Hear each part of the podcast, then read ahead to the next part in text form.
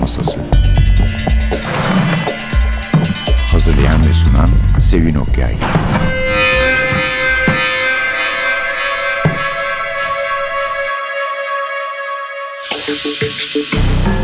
Merhaba.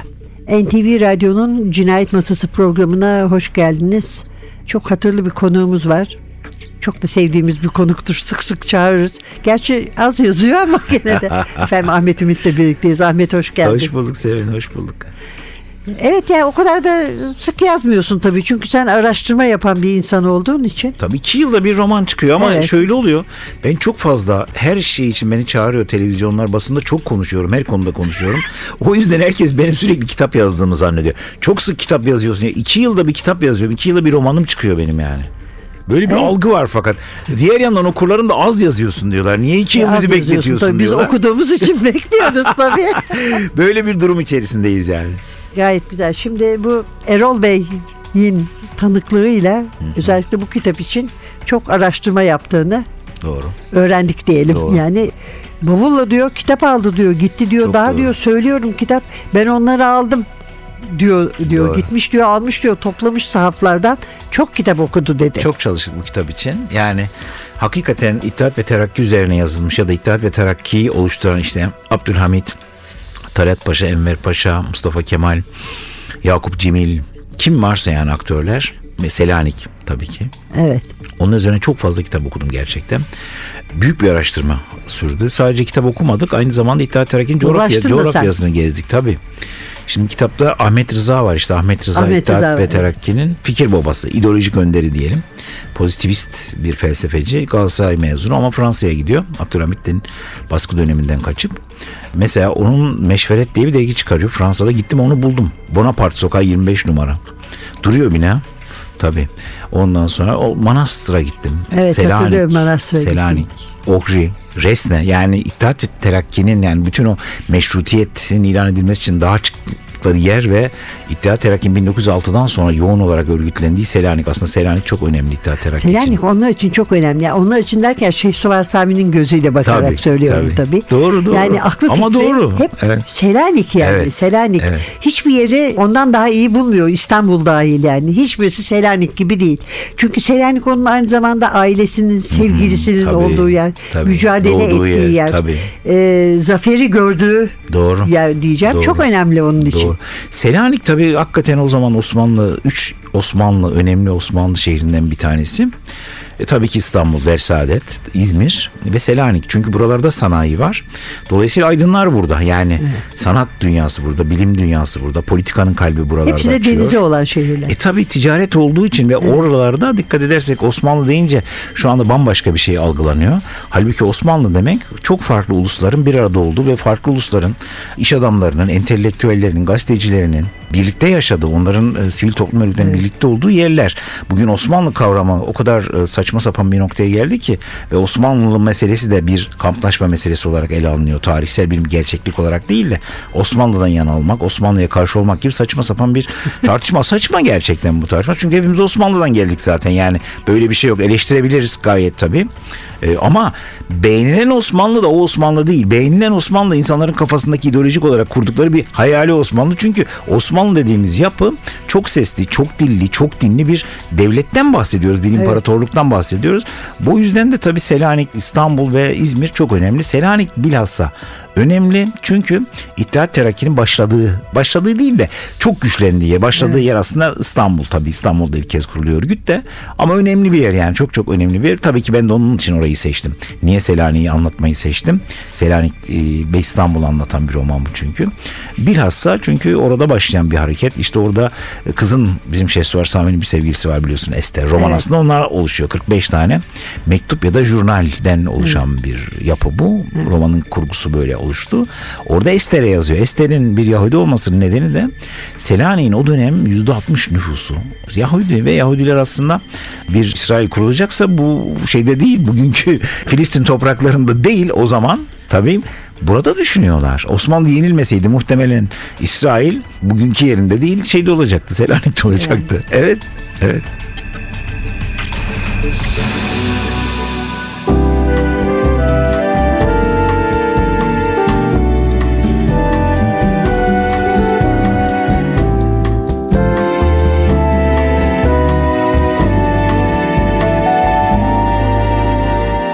you.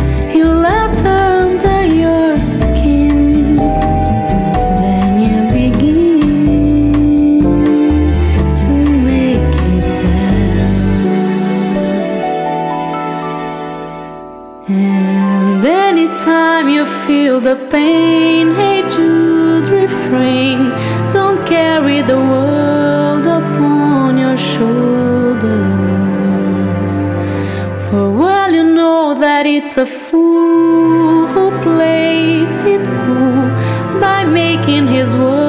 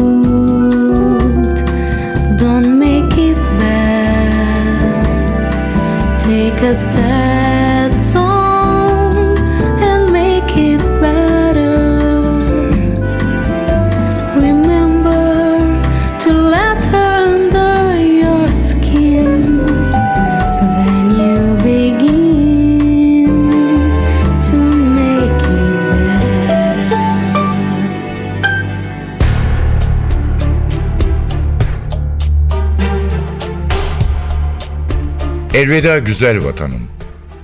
Sahi nedir vatan? Bir toprak parçası mı? Uçsuz bucaksız denizler, derin göller, yalçın dağlar, verimli ovalar, yemyeşil ormanlar, kalabalık şehirler, tenha köyler mi? Hayır. Bütün bunların ötesinde bir anlam taşır vatan. Ne sadece toprak parçası, ne su havzaları, ne ağaç silsilesi.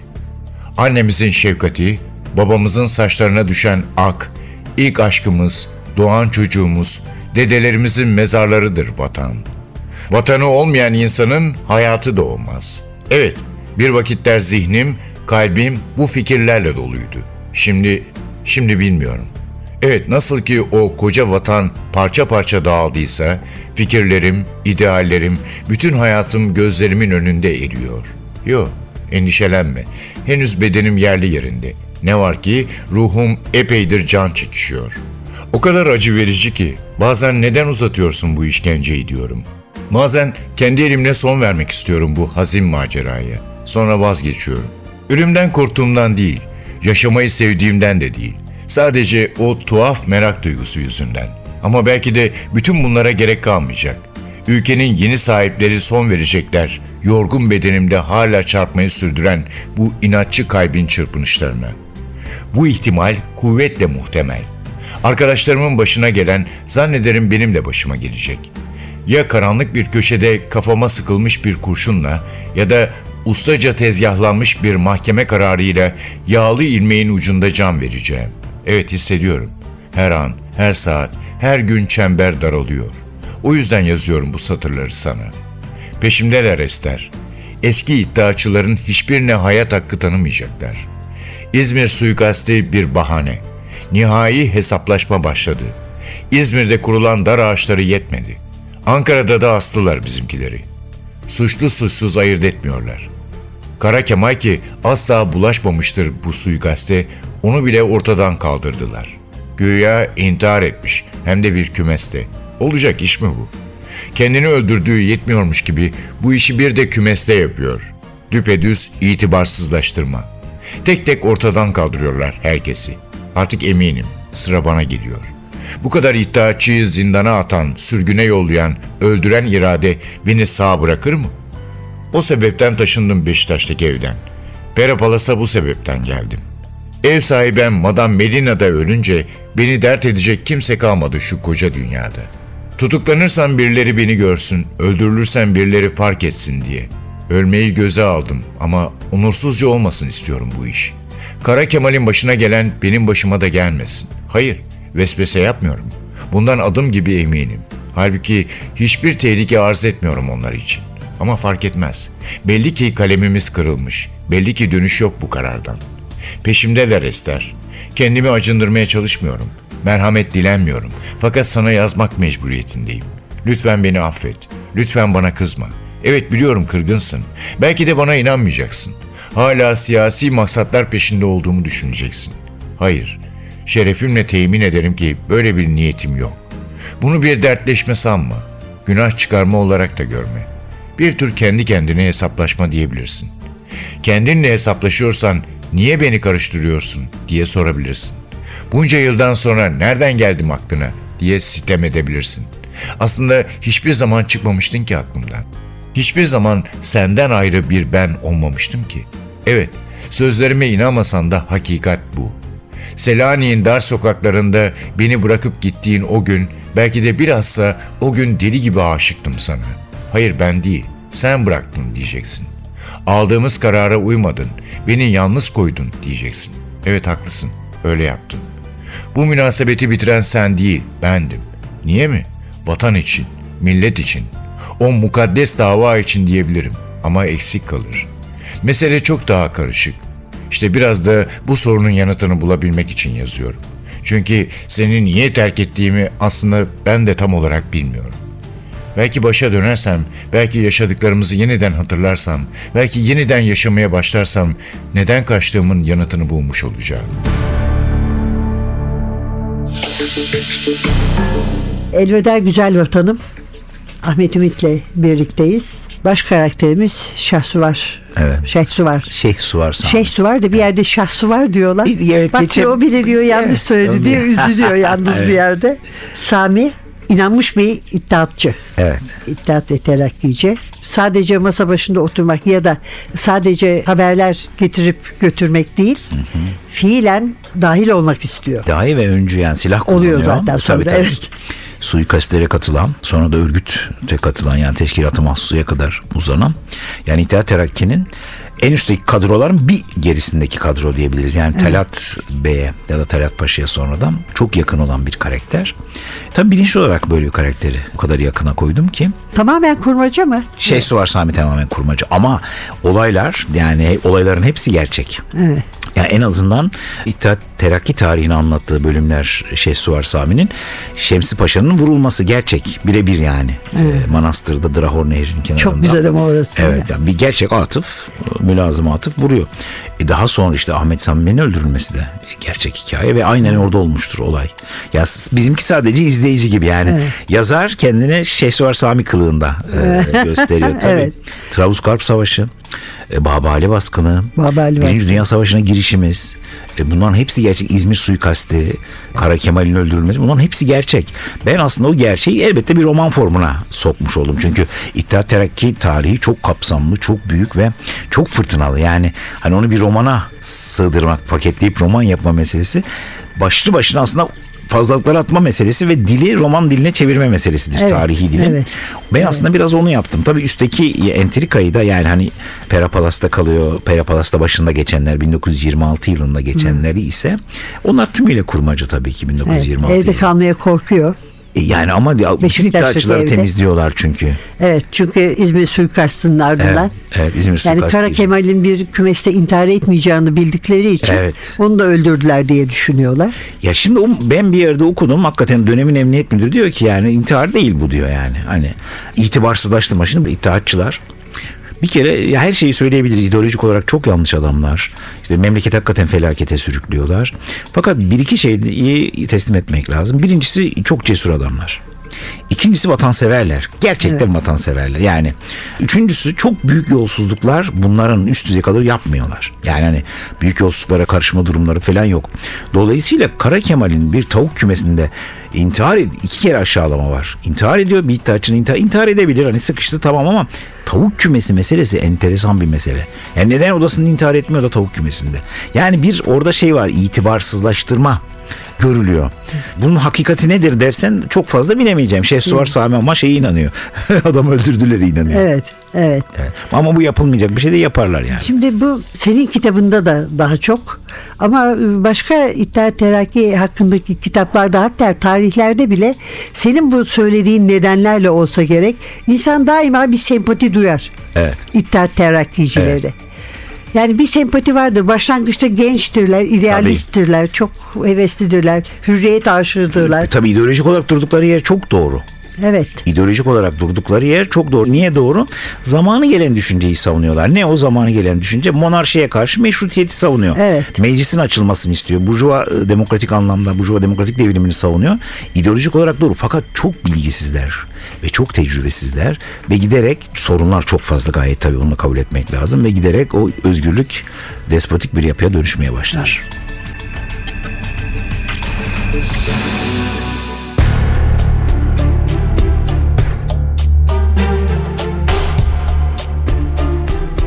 Ne yalan söyleyeyim, hayal kırıklığına uğramıştım. Hakkında o kadar korkutucu hikayeler dinlediğim o zalim kumandan, yürümekten aciz olan bu ihtiyarlığın eşiğindeki adam mıydı? Yeniden Atıf'a baktım. O da benim gibi mi düşünüyordu acaba? Hayır. Genç mülazım duygularını hiçbir şeyin etkilemesine müsaade etmemişti. Gözlerini dikmiş avını izliyordu. Ben de aynısını yaptım ama böyle olunca onun hareketlerini kaçıracaktım. Kendi budalalığıma öfkelenerek bir kez daha bakışlarımı bizim zabite çevirdim. Atıf'ın silahını usulca kaldırdığını gördüm. Benimki gibi nagant bir tabanca vardı elinde. Önündeki adamı kendine siper alarak silahını güvenli bir şekilde tutuyordu. O ana kadar kimse bu hareketini görmemişti. Ben de tabancamı çıkardım ama kaldırmadım. Atıf hiç beklemeden nagantını önündeki adamın omzunun üstünden Şemsi Paşa'ya doğrultmuştu bile. Nasıl bu kadar sakin olabiliyor diye düşünüyordum.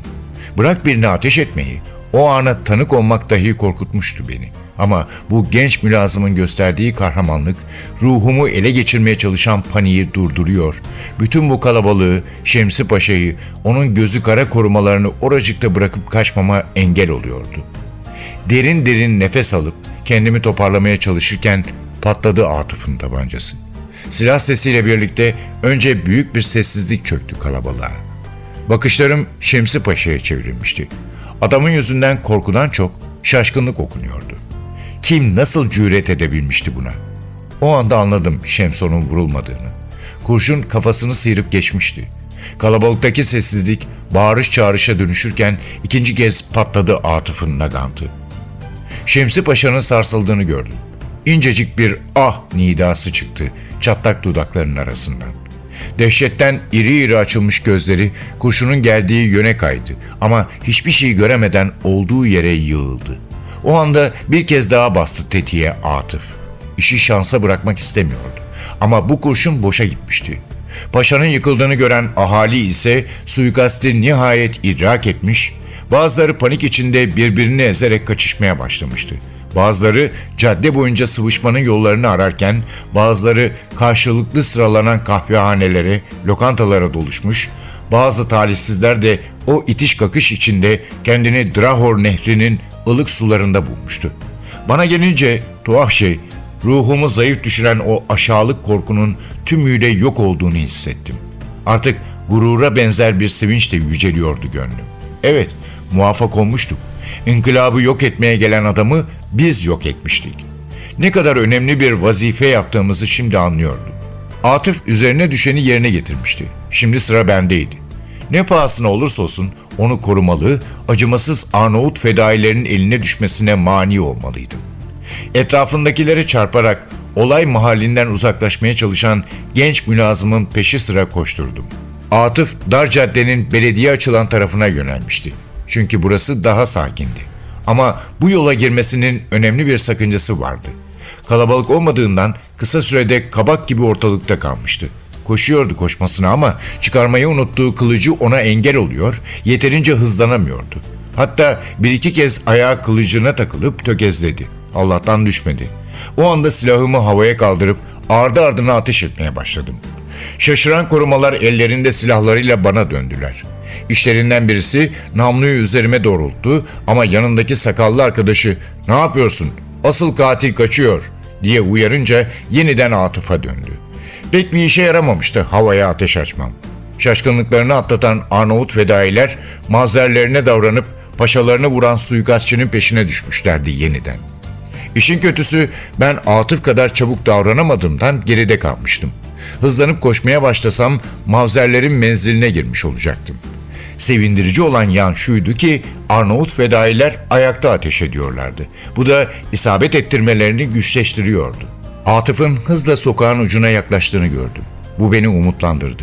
Köşeyi dönerse kurtulması daha kolay olacaktı. Bir ara döndü, elindeki tabancayı ardı ardına iki kez ateşledi. Arnavutları ürküttü bu davranış ama sadece bir anlığına. Sonra ateşe devam ettiler. Bizim mülazım cadde boyunca koşmayı sürdürüyordu. Neredeyse köşeye ulaşmıştı ki birden duraksadı. Eğilip sağ bacağına baktı. Eyvah, vurulmuştu. Şimdi düşecek. Bu gözü dönmüş yırtıcılara kurban olacak diye geçirdim içimden.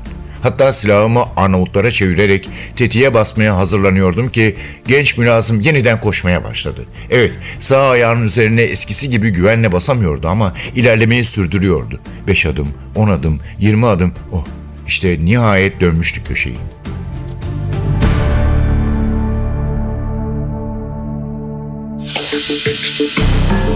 Ahmet Ümit'le birlikteyiz. Şimdi bu İttihat Terakki muhabbetinin sonu gelmeyeceği için biz kitaba dönelim dedik. Farklı bir yapısı var. Farklı bir dili var ama bu senin dediğin roman diline çok iyi çevirebildiğin için. Evet. Yani o şeyler olay yazarın gözünden Tabii, anlatırken tabii. bir roman dili. Çünkü bunu kırık bir aşk hikayesi olarak görüyor Erol Ha, abi doğru, üye bir pazarcı. öyle, doğru, doğru. Ee, gerçekten bir aşk hikayesi yani Tabii. çok güzel bir aşk hikayesi. Hüzünlü tabii. Hüzünlü tabii. Çünkü karşısındaki kişi de Ester de yani sevgilisi Yahudi sevgilisi Tabii. Selanikli. Aynı derecede idealist bir insan. Evet, evet. Ve bunun inandıklarına Şehsuvar Samin inanıyor ama şiddete inanmıyor. Tabii.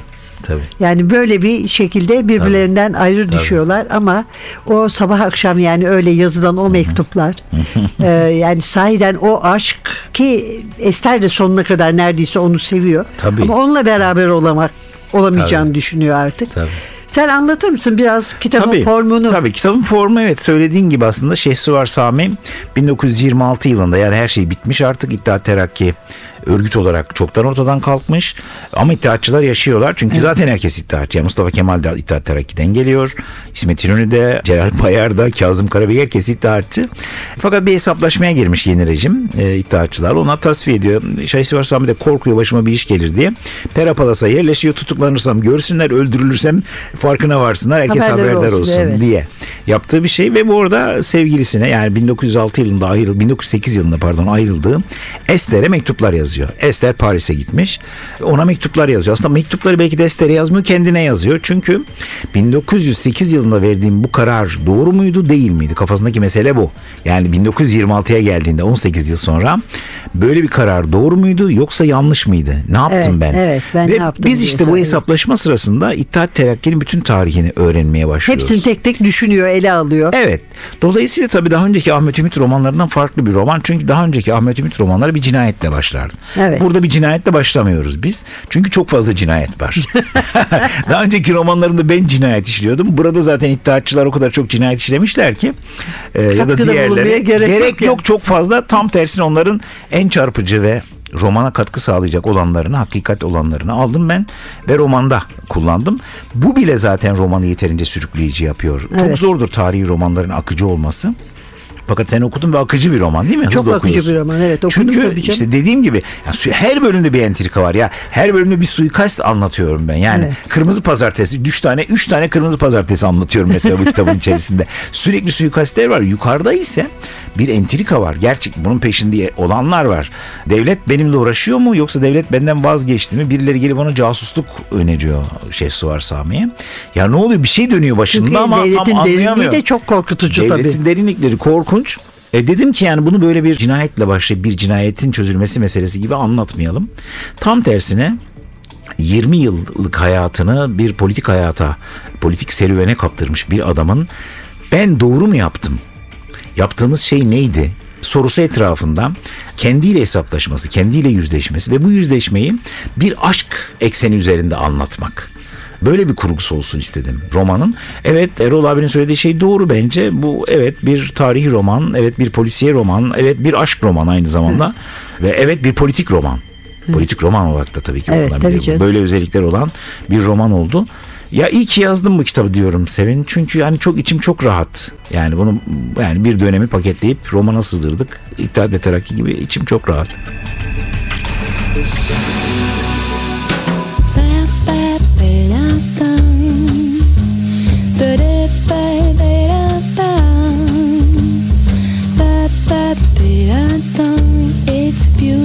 Day. Waking up in your arms and I still feel sleepy. I really, really, really don't wanna face the day. So many silly things to do that I can't escape. But maybe there's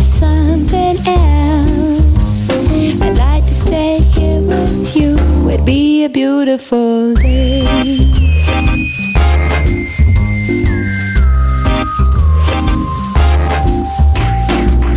Sneaking under the sheets, snuggling up to you. Wanna wake you up slow,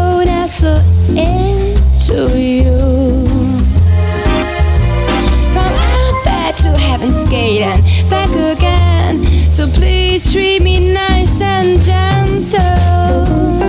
Wrap my body around yours, it's a beautiful day.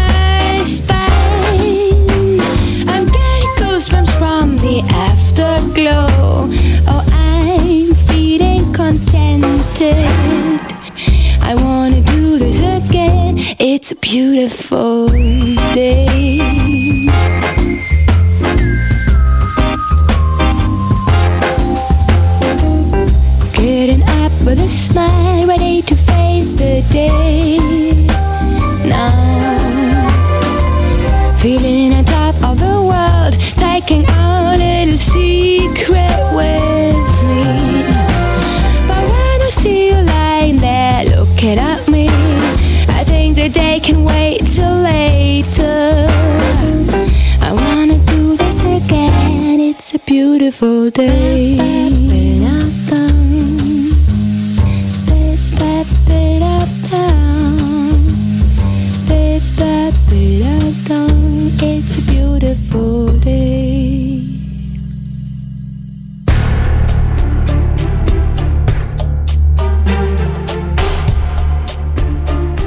Buraya kadar Allah yardımcımız olmuş, işimiz rast gitmişti. Ama salona girince nereden çıktığını kestiremediğimiz bir komiser tabancasını çekip üzerimize ateş etmeye başladı.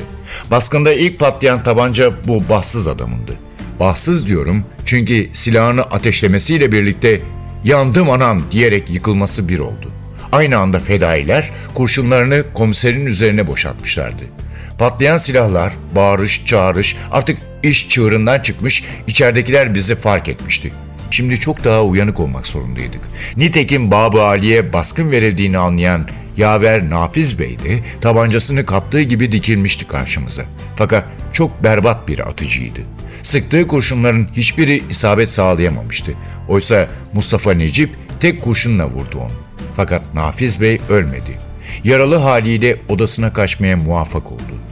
Mustafa Necip de peşinden. İçeriden ardı ardına iki el silah sesi daha geldi. İyi ki Necip'in Karadağ tabancasından çıkmıştı. İkincisi ise Nafiz Bey'in silahının sesiydi. Odaya girdiğimizde ikisini de kanlar içinde yatarken bulduk. Nafiz Bey yere yuvarlanırken tabancasını ateşlemiş, Mustafa Necip'i kötü yaralamıştı. Onun için yapılacak hiçbir şey yoktu. İşi Allah'a kalmıştı. Can çekişen Mustafa Necip'i kendi haline bırakarak mühim vazifemizi neticelendirmek için sadaret makamına yürüyüşümüzü sürdürdük. Artık acele etmek mecburiyetindeydik. Sadrazam Kamil Paşa şaşkınlığını atlatamadan istifa dilekçesini koparıp almalıydık elinden. Daha birkaç adım atmıştık ki bu kez de bir başka yaver Kıbrıslı Tevfik Bey çıktı karşımıza. Artık ne konuşmak vardı ne merhamet en ufak bir tereddüt göstermeden basıldı tetiklere. Olduğu yere yığıldı zavallı adam. Talat Bey tedirgin olmuştu ama olaylar o kadar hızlı cereyan ediyordu ki bir bocalama, bir şaşkınlık hepimizin mahfına sebep olabilirdi. Enver'in fedailerine ses çıkaramadı. Sadece benim kulağıma eğilip aman dikkat diye mırıldandı. Aman dikkat Şehsuvar. Oysa dikkat edecek sınırı çoktan geçmiştik. Şaka değil, aleni olarak bir hükümet darbesi yapıyorduk. Kan dökülmemesini beklemek saflık olurdu. Aslında bu baskını bu kadar az zayiatla atlatırsak yine şanslı sayılırdık. Şimdi durup tartışılacak vakit değildi. Bir an önce Kamil Paşa'nın makamına ulaşmalıydık. Hızla sadarete ilerledik. Daha doğrusu ilerlemeye çalıştık. Çünkü o iri cüssesiyle Harbiye Nazırı Çerkez Nazım Paşa çıkıverdi birden karşımıza. Enver Bey de Talat Bey'i görür görmez anladı olanı biteni. Ne bir şaşkınlık ne bir korku. Öfkeyle süzdü Enver Bey'i. Ne yapıyorsunuz siz diye kükredi. Böyle mi konuşmuştuk? Nedir bu rezalet?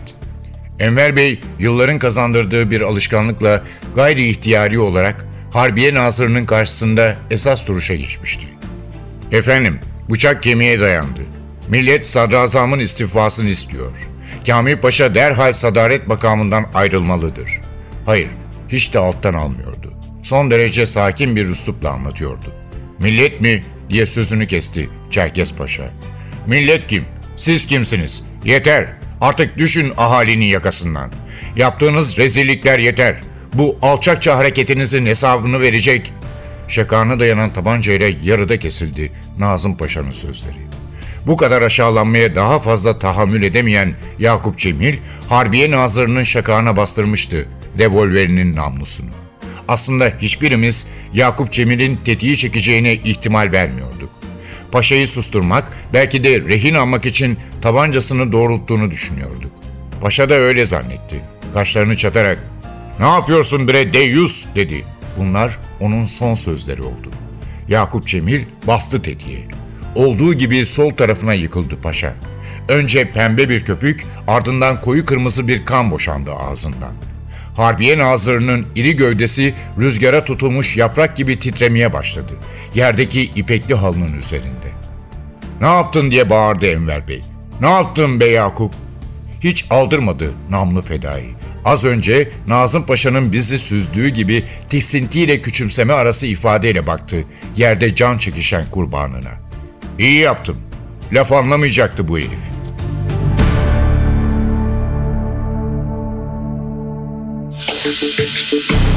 Ahmet Ümit'le birlikteyiz. Biliyorsunuz 250 bin basılmıştı. Ha, tanıtım bile anlatamadık. Kitaba daldık Evet. çünkü. Çok başarılı bir tanıtımla 50 bin daha basıldı. Değil mi Ahmet? Doğru, 300 doğru. bin. 250 bin bitti şimdi He. 300 bine dağıtılıyor. Çok büyük ilgi var. Zaten onu şeyden anlamak mümkün yani. Satış listelerine girdiğiniz her yerde ilk sıraya oturmuş durumda kitap. Yaklaşık 3 haftayı geçti. E, müthiş bir ilgi var. Çok sevindirici. Yani bütün benim kitaplarım aslında genellikle çok satar ama ilk kez Türkiye'de bir 250 bin olarak Evet, bastık evet, biz. evet. Ve bunu piyasa koşullarına uygun yaptık. Hani gazete bayilerinde satma önce satıldı böyle kitaplar. Evet, evet. Bayilerinde çok ucuza satıldı. Piyasa koşulları içerisinde yaptık. Fiyatı tabii yani bu kitap aslında 25 liralık bir kitap ama biz 20 liraya tuttuk fiyatı. Evet, Çünkü benim okurların Evet. büyük bölümü genç insanlar. Onlara Evet. bir haksızlık olmasını Evet. istemedim gerçekten. Sonuç çok iyi. Yani müthiş hem bir rekor kırdık hem de insanlar kitaba yöneldiler. Yani şu böyle umutsuz, karamsar günlerde böyle e, her tarafta savaş tamtamları çalarken insanlar edebiyata yönelmiş olması da ayrı bir güzellik bence. Beni çok mutlu Her eden bir savaş şey. tamtamına da uymamak gerektiğini belki Bu anlarlar. kitap belki onu anlatıyor zaten. Yani bu kitapta evet 100 yıl önceki olayları anlatıyoruz ama çok matrak bir şekilde bizim başımızı belaya sokan olay orada da Rus limanlarının bombalanmasıdır. Biliyorsun değil mi? Sivastopol. Evet, evet, evet. Yavuz ve Midilli'nin inşallah artık bugün bu tür karanlık yerlere savrulmayacağız ve e, savaş gibi bir iğrenç hayatımızı mahvedecek, insanları öldürecek şeyden uzak duracağız yani inşallah. İnşallah. Karakterlerden bir iki tanesinden söz edelim. Tabii, Şeyhsuvar tabii. Sami tabii başımızın tacı. Tabii. Çocuğumuz ama gene unuttum. Ne Basri askeri? Bey, Basri, Süleyman Askeri var. Gerçek Süleyman karakter. Askeri, değil mi? Süleyman Gerçek Askeri. karakter. Gerçek bir karakterdir o. Hatta bir ara bu bizimkiler Balkanlardan çekilirken Trakya Cumhuriyeti diye bir cumhuriyet kuruluyor. Orada devlet görevlisi olarak Cumhurbaşkanı galiba olarak görev yapan bir adam. Bunlar teşkilat-ı mahsusa yani kendilerini vatana adamış. Yani mesela diyelim ki Osmanlı'nın bir parçası diyelim ki Pakistan'da bir yer var, Hindistan'da bir yer var ya da İran'da bir yer var, bir bölge var ya da Mısır'da. Oraya gidip savaşıyorlar gerilla savaşı veriyor. Oradaki yerel halkı örgütle Trablusgarp'ta mesela yerel halkı örgütlemek için giden adamlar bunlar. Yani işte teşkilat-ı mahsusa dediğimiz şey o. O yüzden de bir dönem teşkilat-ı mahsusanın yöneticini de yapıyor. Ve bir olaydan dolayı kendini sorumlu tutuyor. Yeni giden dolayı ve intihar ediyor. Gerçekten kendini vuran bir adam. Çok onurlu bir adam. Tabii ben orada Enver Paşa ile onu karşılaştırdım. Çünkü biliyorsunuz bugünlerde onun, onun yıl dönümüdür. 22 Aralık'ta Sarıkamış'ta binlerce askerimiz bizim dondu 1914 yılında. Onlardan biri benim dedemdi. İsmail dedem. Gerçek hakiki dedemdir o benim. Enver Paşa'nın kararıyla ve yanlış kararıyla doğmuş. Ve Enver Paşa yenilgiyi görünce bırakıp kaçmıştır. İstanbul'a gelmiştir. Süleyman Askeri öyle değil. Ondan da halk kadroda bir zabit subay olmasına rağmen yenilgiden kendini sorumlu tutup intihar eden bir adam. Onurlu bir, e, Onurlu çok onurlu bir subay. Şimdi e, senin kitapta özellikle anlatıldığına göre Ömer Paşa'nın en büyük sorunu hayallerini gerçek sanması. Doğru. Doğru. Çok hayalperest bir insan ve çok umutlu bir insan. Hayalperest olduğu için de umutlu. Hatta şöyle söyleyeyim 1918 yılının 2 Kasım gecesi bunlar İstinye'den bir Alman denizaltısına binip ülkeden ayrılırlar. Ayrılırken dahi dönemin emniyet müdürüne şey der. Yeniden başlıyoruz. Ya bitmiş her şey. Yani işgal kapıda. Ya biraz sonra basacak İstanbul işgal edecek şeyler. İşgal kuvvetleri İngilizler, e, Fransızlar, İtalyanlar geliyorlar ve biraz sonra yani aylar var yani. Basılacak, işgal edecek. Adam diyor gidiyoruz yeniden başlıyoruz diyor. Bütün diyor ayaklanmayı sağlayacağız, biz toparlayacağız diyor. Tekrar işte Osmanlı falan. Bu yenilmişiz, bitmiş artık yani. Birinci Dünya Savaşı'nı kaybetmişiz. Her şey bitmiş. Ka- kaçıyor adam. Ama böyle bir adam ya gerçekten hayallerini gerçek zanneden bir adam. Onun mektupları var. Beni şaşırtan şey oldu. Karısına mektupları var. İnanılmaz güzel aşk mektupları yazmış Yapma adam. ya. Ya bir şair gibi. Acayip. Peki e, vaktimiz doldu galiba ama Basri Bey'den hiç söz etmeden de Basri bu Bey, programı tabii. kapatmayalım. Çünkü onun özellikle o çöldeki diyeyim de hani Doğru, okumayanlar için doğru. konuşması yani Basri Bey bir gerçek konuşma. bir iddiatçı. Yani inanmış bir iddiatçı ve namuslu bir iddiatçı. Belki de o çölde öldürüldüğü için namuslu bir adam olarak kalıyor. Yani erken öldüğü için. Çünkü yani bu sorumluluklar ya da en azından canıyla hani bir yanlış yaptık ama bu bedeli Evet, canıyla ödemiş onu öde- oluyor. ödemiş oluyor. Dolayısıyla benim çok sevdiğim karakterlerden biri. Şehsuvar Sami'yi aslında Şehsuvar Sami yapan adam da diyebiliriz. Yani. Ama bu fikir sonlara doğru bazılarında var. Hiç değilse namusumuz, şerefimiz de ölelim. Ölelim tabii.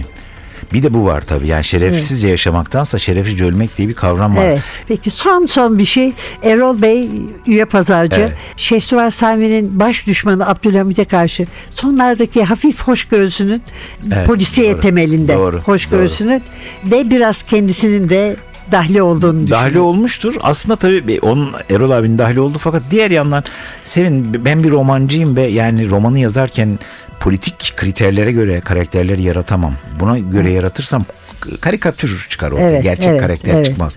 Abdülhamit'i de politik kararlarının büyük bölümüne katılmadığım bir e, padişah fakat e, öyle yönleri var ki polisiye sevmesi gibi, edebiyat merakı gibi, opera merakı gibi, marangozluğu gibi öyle yani insani tarafları da çok değişik ve güçlü olan bir adam. Bir tarafı öyle yani renkli bir adam. E bunu anlatmam lazım ben bir yazarım yani hani Kızıl Sultan deyip işin içinden çıkamazsın yani. O bir insan sonuçta ve bir yazar da insanı anlatır. Yani politik makale yazmıyorum. O nedenle öyle oldu. Erol abinin dahili çok fazla var. tabii. Ahmet Ümit'le birlikteydik. Elveda güzel vatanım üzerine konuşmak üzere. Tam bir İttihat Terakki programı oldu Aynen gibi öyle geliyor oldu. bana. Aynen öyle Ahmet çok teşekkür Ben ederiz. teşekkür ederim. Kitap içinde geldiğin için de. Evet, sağ olasın.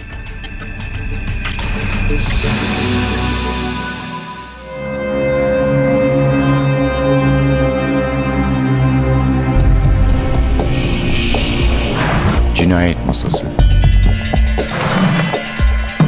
Hazırlayan ve sunan Sevin Okyay